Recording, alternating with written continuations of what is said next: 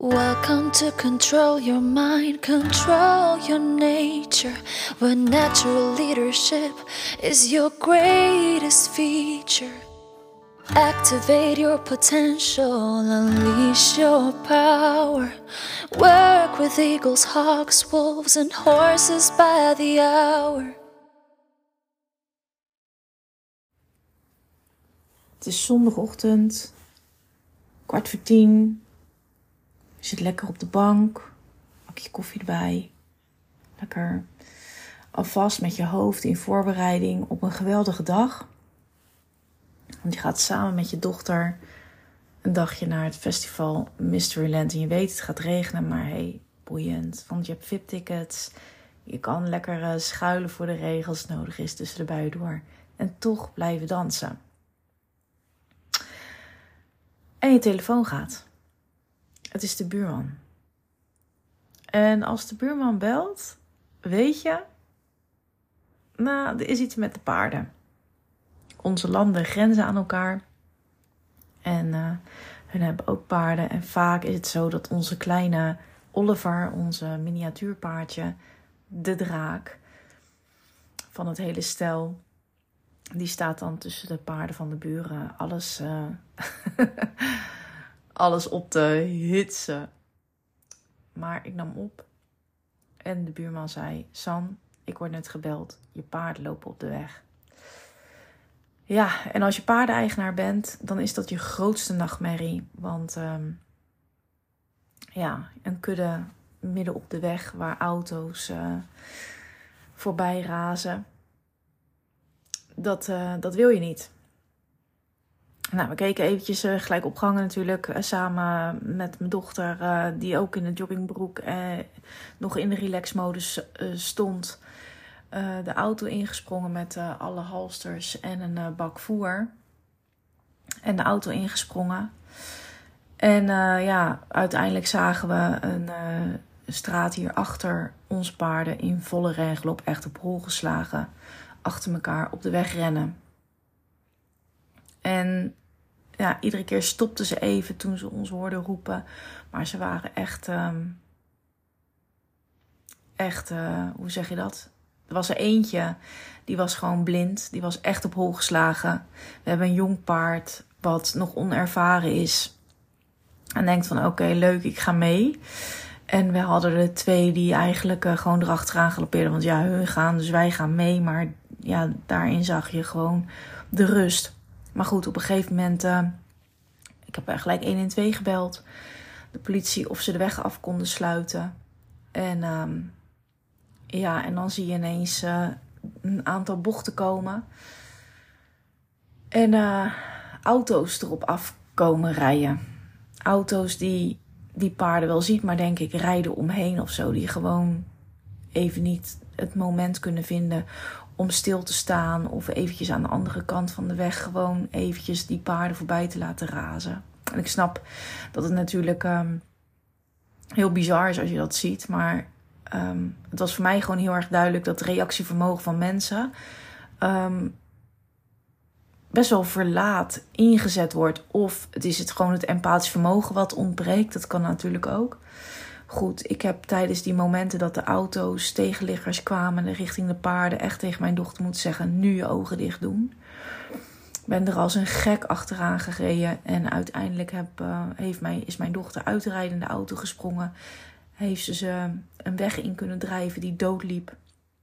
En daar uh, zijn akkers aan verbonden. En zo zijn ze een akker opgegaan. Nou, om je toch mee te nemen in de details, dat akker was net bemest. Het regende. En die paarden gingen los het akker op. Ik heb mijn auto uh, voor de ingang van het akker gezet. En uh, de buurman was inmiddels uh, ook aankomen rijden. En die is voor de andere ingang van de akker gaan staan. Echt geweldig. Die man. ik zei hem tegen hem later. Uh, als je mijn buurman ziet, is echt een geweldige vent.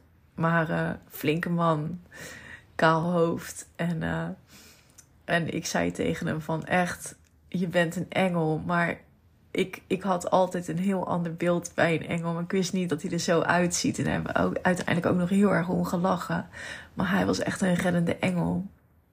En weet je wat mooi was? Hij zei tegen mij... Ik zeg sorry, Ad, hè, voor, het, voor, je ochtend die even helemaal anders loopt. En hij zei tegen mij van... joh, is echt weer eens wat anders. Ik vind het helemaal niet erg. Dus hij, had, hij stond gewoon aan eigenlijk dat hij Kijk, hij kon zijn intuïtie gebruiken. Hij stond aan, die man. Nou, uiteindelijk die paarden natuurlijk op dat bemeste land. Uh, uiteindelijk hebben we ze te pakken gekregen. En zijn we ze ehm, terug gaan lopen. Um, twee aan twee. Dus Romy had er twee, ik had er twee. En door de mest heen, jawel. En uh, uh, een akker loopt erg zwaar met paarden die op hol geslagen zijn en nog eventjes moeten zakken in hun energie. En dat doet wat. Het enige wat jij kan doen is extreem rustig blijven. Maar ja, wat gebeurde er? Het brak onweer uit en wij stonden echt op de open vlakte. En een um, aantal jaar geleden, uh, als het hier onweert bij ons, dan is het best wel heftig. De onweer die slaat hier regelmatig in op het land. Uh, voor ons, maar ook achter ons. En een aantal jaar geleden is, het, is de onweer ingeslagen, een aantal meter bij mijn dochter vandaan, op de grond. En die heeft een soort blackout gekregen, daardoor heel eng. En uh, daardoor is zij eigenlijk ook heel erg bang voor onweer geweest. En um, ja, het begon te onweren. En ik zei alleen maar tegen haar: Oké, zoek de kant van de akker op. Dus uh, uh, ga aan de kant lopen. We moeten uit het midden vandaan. En. Uh, Blijf ademen. Gewoon ga naar je ademhaling, ga naar je ademhaling. Blijf rustig, zakken, zakken, zakken. Nou, dat deed ze echt waanzinnig goed. Deze waanzinnig goed. We zijn uiteindelijk de weg opgegaan en uh, bij de uitgang waar de buurman zeg maar stond met zijn bus en hij is met zijn gevaarslichten aan achter ons um, aangegaan. Het regende pijpen stelen. Het onweerde echt gigantisch. Het onweer was ook dichtbij. En we liepen dan twee aan twee met die paarden op de weg die nog heel erg heet waren. Zo noem je dat. Als uh, lekker um, uh, uh, hè, flink hebben gerend en nog heel erg hoog in de energie zijn. En hij bleef met zijn verkeerslicht dus stapvoets achter ons rijden om het achter ons komende verkeer af te remmen. En ja, het enige wat er gebeurde met het verkeer wat achter hem kwam. En je moet voorstellen, we lopen op een.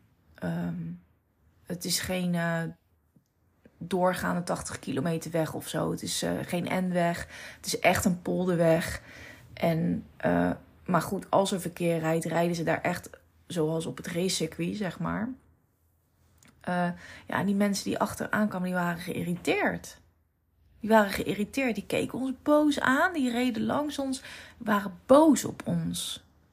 En nou ja, hè, wij konden niet, uh, uh, we konden niet meegaan daarin. Of maar ik dacht later, ik was echt verbijsterd van hoe kan je, nou ja, ik weet niet, maar sowieso als iemand met gevaarslichten achter je rijdt, uh, hoe wij eruit zagen. We zaten letterlijk van top tot teen onder de modder. We waren helemaal verregend.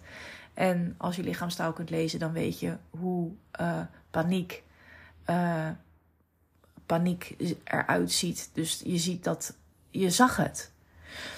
Maar we kregen geen empathie. Nou verwacht ik ook uh, dat tegenwoordig niet meer. Vind ik wel erg trouwens dat, ik, dat je dat niet eens meer kan verwachten. Maar dat maakt eigenlijk ook dat ik deze voice note opneem. Hoe staat het eigenlijk met jouw empathisch vermogen? Hoe staat het met jouw empathisch vermogen? Kun jij je nog verplaatsen in de ander? Voordat jij jouw mening pakt of het gevoel toelaat wat, wat iets jou geeft, ben jij ook langs dat empathisch vermogen gegaan?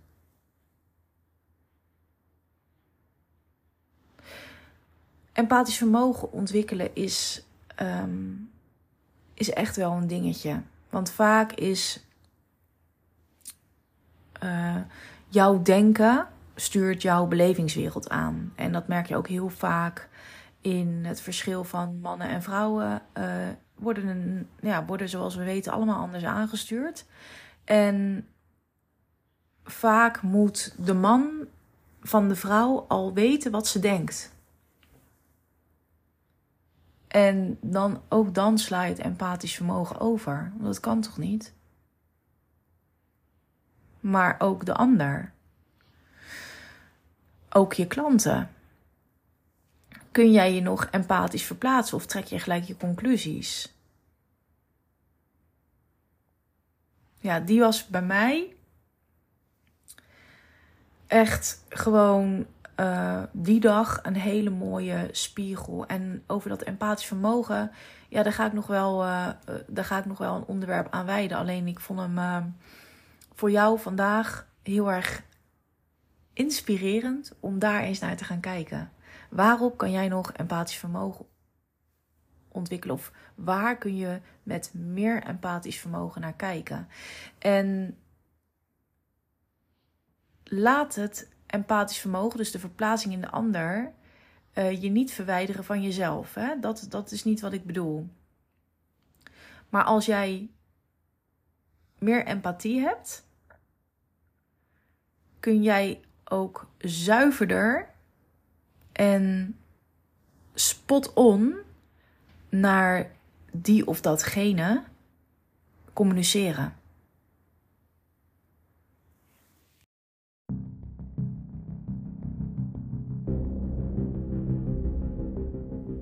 Voel jij een koor verlangen om de wereld een mooiere plek te maken? Voel jij aan alles in jou dat jij een brug kan slaan tussen oude en vastzittende patronen in het bedrijfsleven, in je generaties, familiepatronen of ben je klaar om je eigen geloofssystemen open te breken? Wil jij in een activatie stappen van natuurlijk leiderschap, waarin we jouw higher self en soul source full focus en met hoge frequentiestrategieën initiëren? In november start Metamorphosed, de Leadership Initiation Program. Een zesmaandelijkse activatie met zes intensieve lijfdagen met paarden, roofvogels en wolven. Because leaders don't wait, they initiate. Wil je meer weten? De link vind je in de beschrijving van deze podcast.